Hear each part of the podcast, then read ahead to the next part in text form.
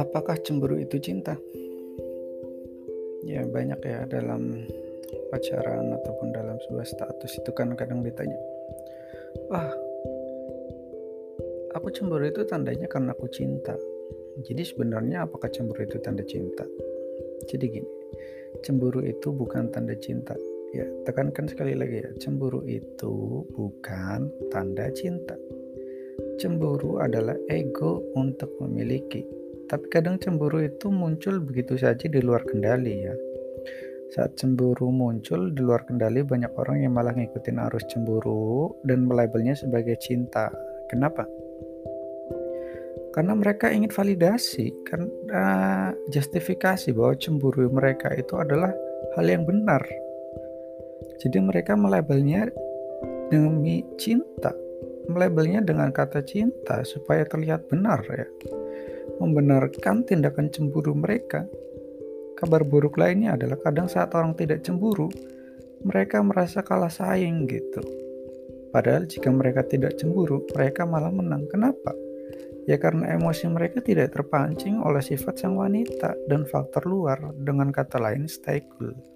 Saat stay cool, sang wanita malah akan penasaran dong, kenapa kamu tidak terpancing emosi. Dan itu menyebabkan dia kembali berfokus pada kamu.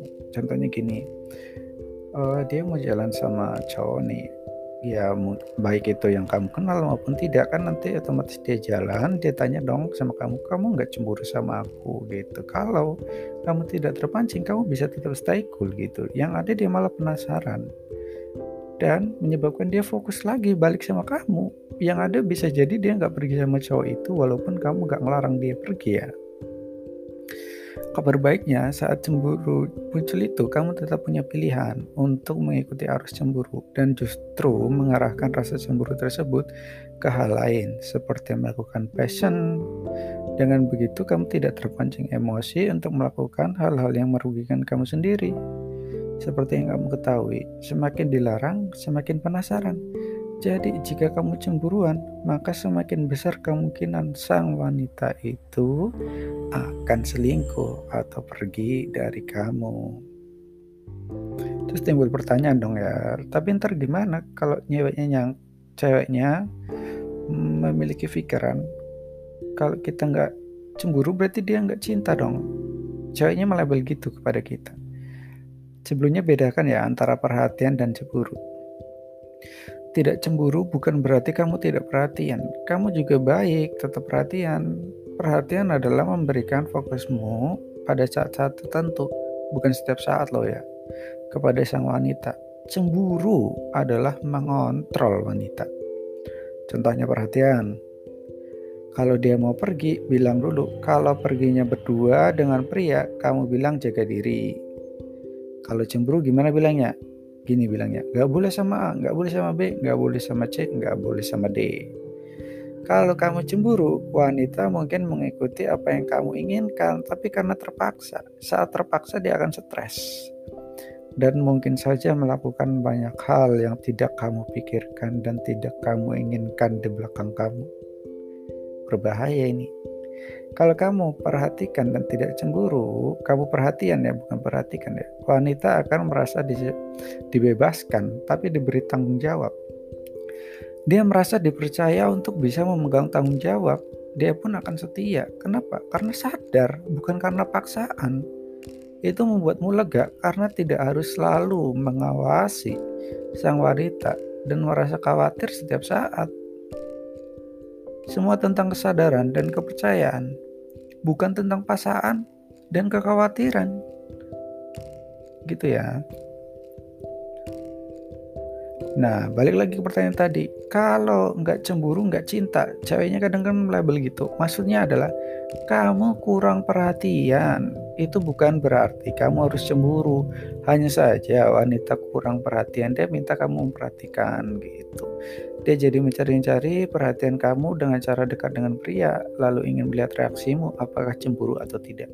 Dia mengartikan cemburumu sebagai perhatian. Kamu cukup perhatian saja, nggak perlu cemburu itu cukup tadi udah jelasin kan bedanya perhatian sama cemburu kalau kamu belum jelas silahkan ulang podcast ini ya sebenarnya sih boleh cemburu kalau wanitanya deket sama aku ya Ya, terima kasih.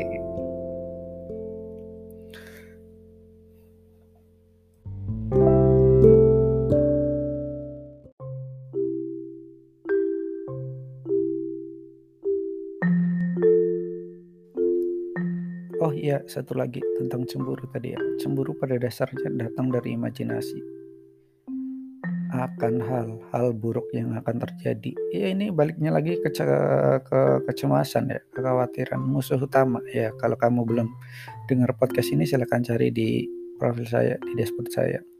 Nanti ketemu ada podcast tentang musuh utama kamu. Jika kamu membayangkan hal-hal buruk, maka bayanganmu itu akan memunculkan emosi jadi bayangkan saja hal-hal yang bagus, bukan hal-hal yang buruk. Ingat, kalau ada rasa cemburu, jangan dilawan rasa itu. Kamu, kalau dilawan itu, kamu fokus ke hal itu, itu malah menyebabkan rasa cemburunya semakin besar. Jadi kamu biarkan saja rasa cemburu itu datang, lalu salurkan saja ke hal-hal seru untuk mendistrak rasa itu. Ya contohnya main game atau tiduran atau baca buku ya hobi kamu lah baca novel, nonton anime, nonton drakor kalau kamu suka nonton drakor juga. Saya sih tidak ya. Sambil kamu main game atau tidur atau baca buku, bayangkan saja hal-hal yang bagus. Percuma dong kalau kamu main game, ya nonton anime, tapi bayangan kamu masih ke hal cemburu tadi, cewek kamu pergi sama cowok lain gitu kan. Kalau kamu masih tak bayangin itu ya percuma apa yang kamu lakukan. Jadi kalau kamu melakukan hal apa gitu ya udah bayangkan hal-hal yang bagus. Tahu lah ya bayang-bayang hal yang bagus gimana.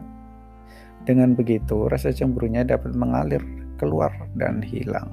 Kalau kamu lawan dia malah tambah besar. Sekali lagi terima kasih sudah mendengarkan podcast ini.